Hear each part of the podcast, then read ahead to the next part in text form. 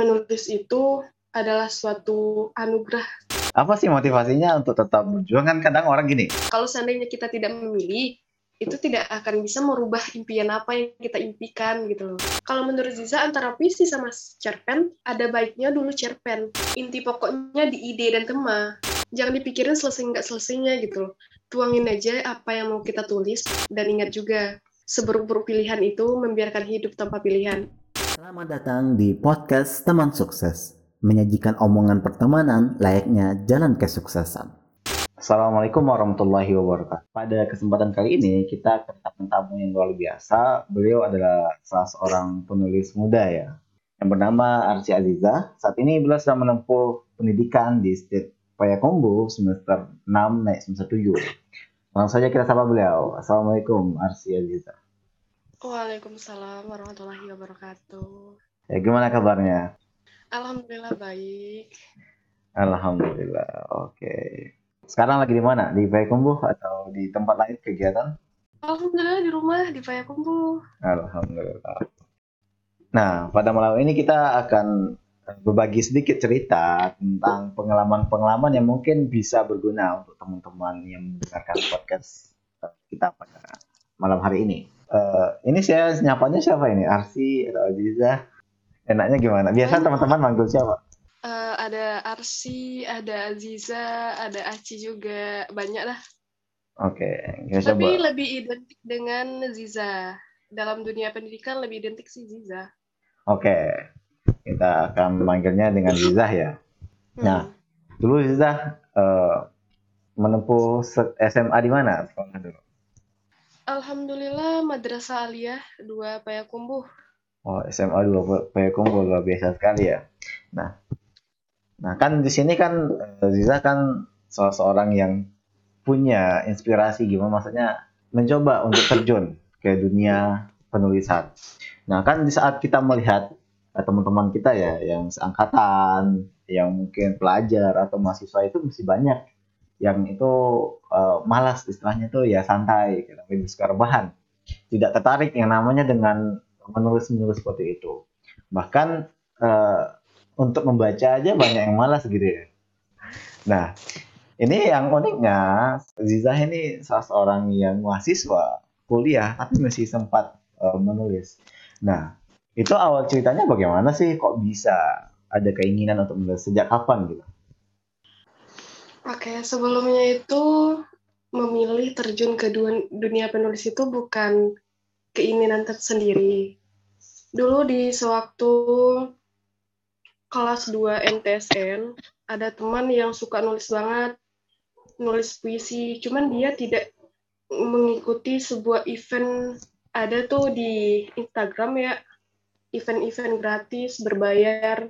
Nah itu dia nggak mau tuh masuk yang kayak begituan nah dia tuh nyaranin dia motivasi kalau menulis itu adalah suatu anugerah tuh katanya nah dipikir-pikir di akhir kelas 2 MTSN ada tuh lomba bahasa Indonesia tentang baca puisi per kelas.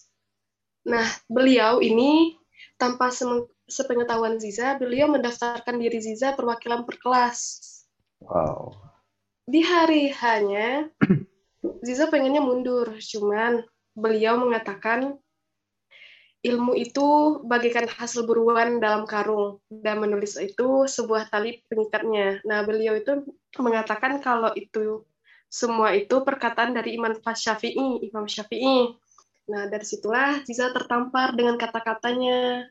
Dan awal mulai kelas 3, Ziza mulai merangkal bernilai sebuah buku yang judulnya Pulang. Di situlah awal Ziza memilih dunia kepenulisan gitu ceritanya. Dan teman-teman Ziza ini alhamdulillah mendukung, keluarga mendukung juga alhamdulillah sampai sekarang. Alhamdulillah Ziza jadi penulis, cuman hanya saja belum sertifikasi menjadi penulis khusus. Tapi lagi sedang berjuang gitu. Masya Allah, ini menarik sekali. Jadi awalnya itu dari uh, teman yang nggak sengaja ya memasukkan Ah, Oke, luar biasa sekali. Keren ya. Ketika eh, waktu SMP, MDSA sudah punya seorang lingkungan yang sangat produktif menulis gitu. Nah, jadi ada sedikit menarik nih. Tadi kan waktu teman itu mendaftarkan untuk ikut lomba ya, perwakilan kelas sih gitu ya. mm, Nah, itu gimana? Iya. Diikuti akhirnya lombanya? Diikuti, alhamdulillah diikuti. Dari sanalah ternyata membaca puisi ini ada senangnya juga. Eh, alhamdulillah di perkelasan itu, lomba perkelas itu, alhamdulillah mendapat juara tiga. Oh, Nah, berpikir kenapa nggak dilanjutin gitu, gitu. Wah, jadi suatu eh, kebetulan yang buat keberkahan ya. mantap, mantap, mantap. Nah, tadi eh, buku apa tadi? Rindu ya? Eh, Rindu, maaf. Pulang. Pulang. Nah, itu dibikin waktu kelas berapa itu? Mulai bukunya kelas ti- awal kelas 3 MTSN dibantu oleh teman beliau Hmm. Sampai eh, terbit di tahun 2019 kalau nggak salah akhir menuju 2020 Oke. buku pertama alhamdulillah Kan itu kan eh, untuk permulaan ya. Permulaan itu kan Hmm. kadang eh, banyak tantangan, banyak halangan mungkin bisa jadi kan banyak banget apa aja itu kira-kira tantangan yang dirasakan? kalau tantangan yang paling dirasakan yaitu mengusulkan eh, novel ini kepada penerbit nah di sini bukan satu dua tiga aja yang nolak yang nolak eh, novelnya Ziza Mm-mm. cuman lebih dari 10 penerbit yang nolak gitu loh. Da- namun di sanalah itu sebuah kalau udah diterima, itulah sebuah manisnya perjuangan untuk nerbitin. Oke, jadi ditolak sekian banyak ya tetap terus berjuang ya. Apa sih motivasinya untuk tetap berjuang kan kadang orang gini, ada orang itu saat dia itu mencoba dan ditolak habis itu saat dicoba lagi dua tiga habis itu ngedown gitu. Usah sih kayaknya nggak laku gitu. Nah ini gimana kok bisa sampai 10 gitu? Apa motivasinya waktu itu? Eh, pernah ngerasain kalau hidup emang begitulah ya, butuh perjuangan. Kalau hidup, kalau kita berbicara tentang kehidupan itu berarti kita berbicara tentang pilihan. Nah di pilihan itulah kita tegak berdirinya. Kalau seandainya kita tidak memilih, itu tidak akan bisa merubah impian apa yang kita impikan gitu loh. Jadi pegang teguh impian dan harapan itu. Kalau seandainya di tengah jalan kita berhenti, itu sia-sia. Coba deh dipikir kalau di tengah jalan kita berhenti, yang kita udah perjuangan itu gimana gitu. Iya juga sih, jadi waktu yang kita pakai untuk berjuang itu terbuang sia-sia ya, karena kan nggak Iya, terbuang. terwujud kan. Nah, selain eh, ditolak penerbit apalagi nih? Kan kalau anak muda itu sih biasanya eh, untuk memulai itu kadang mager gitu kan. Apalagi kan ini nulis ya. Nulis eh, Hmm. baru nulis sekian baris. Habis itu mentok, pusing, habis itu berhenti, nggak lanjut-lanjut lagi. Itu gimana? Pernah nggak ngalamin kayak gitu? Pernah faktor kayak gitu pernah. Cuman kan alhamdulillah berada di lingkungan yang teman-temannya mendukung banget untuk lanjutin sebuah buku untuk nulis gitu. Nah, bukan hanya teman. Waktu di MTSN, Ziza itu alhamdulillah eh, dapat sorotan atau dukungan dari guru bahasa Indonesia itu sendiri. Nah, karena udah dekat sama guru bahasa Indonesia, Ziza tanya-tanya tuh di dalam kan kalau novel itu kan harus memiliki fakta dari K- kata-kata dari KBBI. Nah, di sana juga ada dorongan dan dukungan dari guru tersebut. Jadi kalau seandainya di novel Ziza pulang itu kan per bab per bab. Jadi kalau seandainya Ziza agak kelupaan masalah apa yang terjadi di dalam novel, nah Ziza tanya tuh ke teman-teman, tanya ke guru, apa nih seharusnya yang akan terjadi lagi di sini gitu. Acara ini disponsori oleh Era Halal, menyediakan rendang JMK yang meraih juara rendang sepadang pada tahun 2018-2019 dan telah mendapatkan sertifikasi halal MUI. Dapatkan segera di Shopee, Muslim Love Shop, dan Instagram Era Halal www.erahalal.my.id. Oke, jadi Gitu Mas Ren. Oke baik. Jadi eh, dukungan dari orang sekitar itu sangat penting ya untuk terus Sangat penting banget. dari Ziza sendiri nih eh, apa sih eh, mungkin ada tips-tips ya? Tips-tips untuk teman-teman yang eh, baru mencoba berjuang. Kan saya, saya sendiri pun juga mencoba menulis ya. Berusaha mencoba Hmm. menulis. Udah dari ya beberapa tahun yang lalu. Awalnya yang nulis di blog gitu kan nulis di blog gitu. Kadang suka kepikiran sesuatu nulis di status tapi kan sayang ya kebuang dong. Status habis itu hilang. Sehari hilangan ya. Jadi Iya. terbuang sama percuma. Jadi ada keinginan terus gitu. Ya tapi ya keadaan nggak tahu kenapa mentok. Akhirnya nggak jalan-jalan lagi sampai sekarang. Nah mungkin dari zizahnya itu ada pandangan atau saran untuk teman-teman yang seperti Raihan ini yang mengalami hal yang sama mungkin. Oke, Mas Rehan, sebelumnya gini ya. Kalau Ziza, Ziza kan juga seorang pemula nih dalam penulis. Nah, kalau misalnya kita belum sanggup untuk memulai sebuah novel, kita coba dengan sebuah puisi. Kalau udah rasanya kita bisa mensairkan puisi tersebut, kita masuk tuh ke dalam cerpen sebelum novel. Nah, di cerpen itu kan ada yang ditentuin berapa halamannya. Di Instagram kan ada event tuh, eh, acara-acara gratis atau berbayar untuk memulai sebuah cerpen. Nah, di situ kan juga ada pelatihan-pelatihan khusus gimana seharusnya kita nulis gitu. Jadi kalau menurut Ziza pemula, alangkah baiknya itu dimulai dari cerpen dulu, nggak usah jadi novel solo. Masuk eh, lomba-lomba antologi dulu gitu, supaya mendorong kalau seandainya eh, kita berniat untuk memulai, memulai novel, nah di situ ada dorongan, ada kita dapat diajarkan untuk gimana cerita panjangnya gitu. Ziza, jujur sebelum novel pulang ini, itu bertema cerpen pulang, bukan langsung novel. Jadi ada event di IG, uh, Ziza tuangkan dalam novel Ziza yang udah terbit itu pulang, itu sebenarnya dari lomba antologi cerpen. Dari cerpen itu Ziza perpanjang jadi novel gitu. Gitu sih intinya Mas Rehan. Oke, jadi eh, kita melihat dari bertahap ya kan bisa loncat ternyata. Ya, bertahap. Kan itu melihat novel-novel indah kan, nulis novel gitu. jadi tadi tahapnya pertama sebenarnya kita nggak hanya pelatihan sih sebenarnya. Kalau seandainya ya masalah kata ada atau gimana cerita bagusnya, kita itu bisa dengan banyak membaca novel orang aja gitu. Asalkan jangan plagiat. Oke, jadi seperti eh, contoh gitu ya. Rajin-rajin aja baca ceritanya orang gitu. Nah, Nanti kita akan tertarik. Tapi ingat jangan plagiat gitu. Jadi gimana urutannya eh, kalau disaranin tadi eh, bikin puisi ya? Iya puisi. Puisi. Kalau seandainya sebenarnya puisi itu kan banyak pelatihan puisi. Cuman kalau lebih puisi itu kan bermakna. Hmm. Jadi kalau setiap orang itu kan ada ada kelebihan tersendiri ya. Jadi Iya. kalau seandainya dia susah di puisi, dia bisa cerpen. Cerpen itu kan sama kayak novel, cuman dia cerita pendek. Cerpen itu kan imajinatif sen- tersendiri gitu. Kalau menurut Ziza antara puisi sama cerpen ada baiknya dulu cerpen karena cerpen itu imajinatif kita gitu. Jadi yang jelas yang pertama itu cerpen, habis itu kalau pengen ke puisi-puisi, baru nanti ke novel ya gitu ya. Kalau bisa puisi, puisi juga nggak apa-apa sih sebenarnya. Sebenarnya kalau kita milih sih inti pokoknya di ide dan tema. Ide Kalau dan kita tema. tulis itu harus ada ide dulu, harus ada tema dulu gitu. Baru kita bisa membuka pik- pola pikir kita. Itu kan salah satu masalahnya m- mungkin gini. Kita saat ini kan kepikiran ya punya ide, misal kita kepikiran punya ide bikin bikin cerita tentang eh, apa namanya?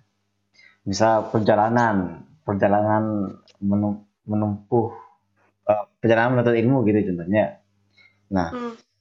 mungkin saat ini kemudian eh, kita bikin berapa hal berapa baris gitu habis itu mentok berhenti nantinya itu idenya lain lagi gitu itu gimana dong yang yang mentok tadi disambung gitu biar mungkin ada Kalau pengalaman Ziza sendiri, kalau kejadian kayak gitu sering banget. Nah, hal yang Ziza lakuin, nggak Ziza terusin. Maksudnya bukan dibiarin setelah bertahun-tahun, nggak. Misalnya kita udah berapa lembar nih, anggap aja lima lembar nih. Terus Oke. lupa nih, kita harusnya gimana lagi, ceritanya jalannya harus gimana lagi.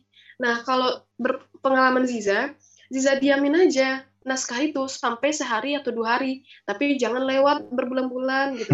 Nanti kita baca lagi untuk memulai dari awal. Nanti itu akan membuka pikiran kita lagi gitu. jadi diberi waktu rehat ya untuk mengi- me- apa namanya untuk memunculkan ide kembali ya untuk melanjutkan tulisan. Iya, memancing ide. Nah, uh, Ziza sendiri udah menulis, maksudnya udah menulis berapa buku nih? Uh, insya Allah baru OTW yang afdol.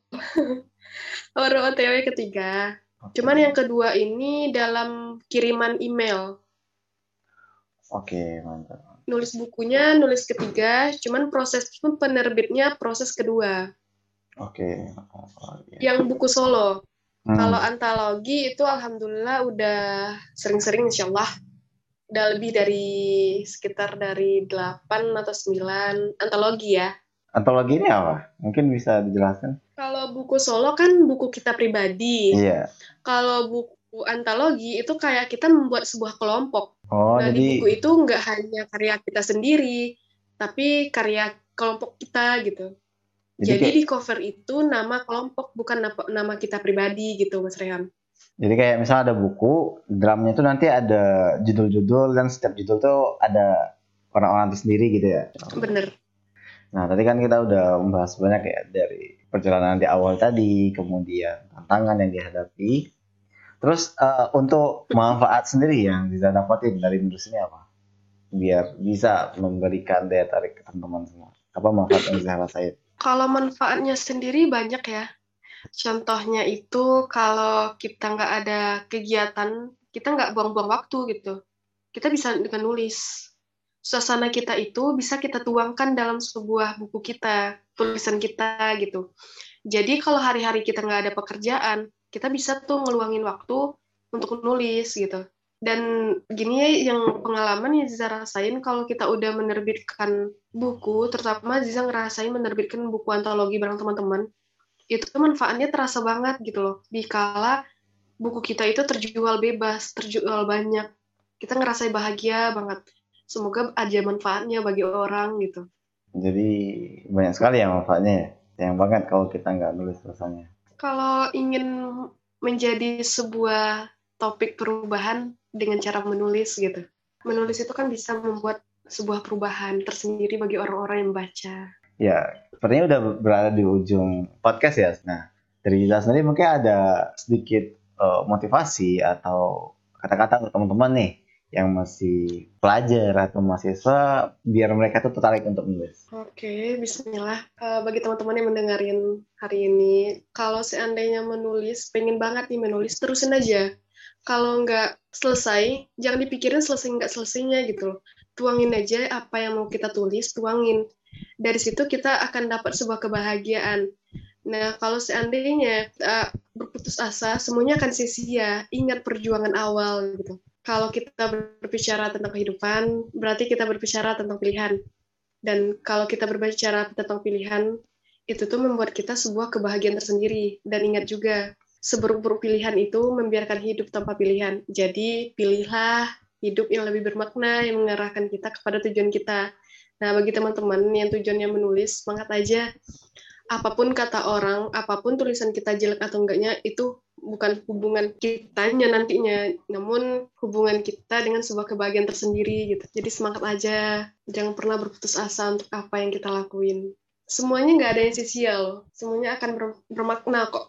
Ada kata kuasa yang sangat menarik tadi, itu uh, pilihan terburuk ya tadi. Ya ini tidak melakukan apa tadi? Dan pilihan terburuk itu membiarkan hidup tanpa oh, pilihan. pilihan. Oh dan membiarkan itu, aja hidup seperti air mengalir gitu ya juga sih pilihan terburuk itu memilih untuk membiarkan hidup tanpa pilihan dan tanpa pilihan tapi itu pilihan sebenarnya ya intinya aja kita hidup. Kalau kita hidup itu pasti punya tujuan kan? Iya nah, benar. tujuan itu tujuan kita sendiri gitu.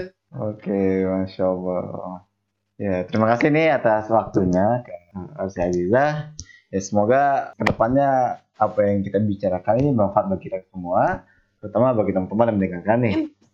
Untuk bisa termotivasi juga menulis. Ya terima kasih. Mungkin kita bertemu di lain waktu assalamualaikum warahmatullahi wabarakatuh ah, ah, ah.